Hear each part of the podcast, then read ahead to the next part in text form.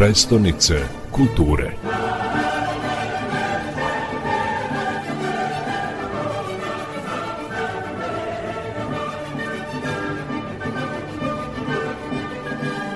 Projekat Čačanska rodna ulazi u završnu fazu.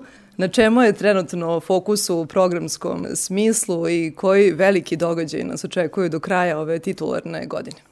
Ono što je važno navesti u ovom trenutku jeste da mi redovno vodimo i statistike i pravimo neke rekapitulacije i po mesecima i po kvartalima i evo možemo da se pohvalimo da u ovom trenutku smo već realizovali 69 projekata, 172 događaja i koje su posetili preko 140.000 ljudi.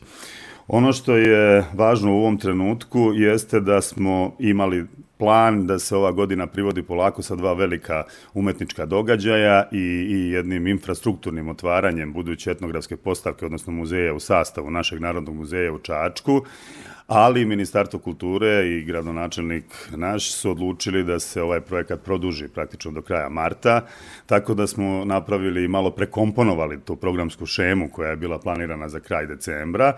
I u ovom trenutku mogu da najavim da će brojni koncerti, izložbe, predstave do kraja ove godine u Čačanskoj rodnoj privući pažnju svakako i brojnih drugih posetilaca a svečana projekcija filmova snimljenih tokom Međunarodnog filmskog kampa Interakcija nam sledi tokom decembra, zatim u našoj galeriji Nadežda Petrović u Čačku 12. decembra otvorit ćemo samostalnu izložbu Vladimira Perića Talenta, da nakon toga otvorit ćemo izložbu crteža Nadežda Petrović bez boje u saradnji sa Narodnim muzejem iz Beograda, 14. decembra je planiran jedan veliki događaj, e, otvaranje etnografske postavke u najstarijoj građanskoj kući Hadžića kući u Čačku i taj događaj zapravo je vrlo kompleksan jer će objediniti nekoliko uh, programskih elemenata, kao što je prezentacija arheološkog nalazišta grad ispred grada, na koje se radilo intenzivno u zadnjih godinu i po dana, zatim multimedijalna izložba Gradina na Jelici i na kraju finale otvaranje etnografske postavke i to sve kroz jednu veliku dramsku kompoziciju, znači kroz jednu procesiju sa građanstvom koja će biti upriličena u nekim večernjim satima.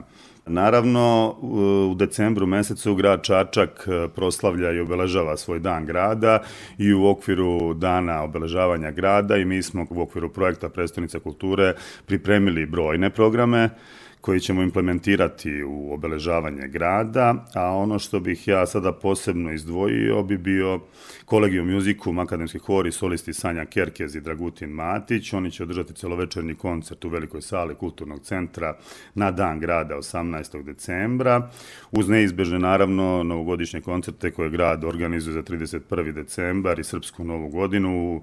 Ovaj put to će biti uh, pevač pop muzike Peđa Jovanović, a po julijanskom kalendaru 13. januara proslavu nove godine upotpunit će koncert regionalne muzičke zvezde Gorana Bregovića. Umeđu vremenu držat će se niz drugih umetničkih programa i dramskih komada u kulturnom centru, u kojima smo uvek sagledavali tu neku poveznicu Čačka i jednostavno utemeljenje programsko u njima, tako da eto, bit će i uprilično naše veče Ivana Bosiljčića, s tim što će se malo redukovati, da kažem, redovno izvođenje, pa će on izvoditi, odnosno recitovati ove stihove Branka Vradičevića i Vladislava Petkovića Dis. Dođite u Čačak, uzmite zadnji voz za Čačak i isplati se kada stigne.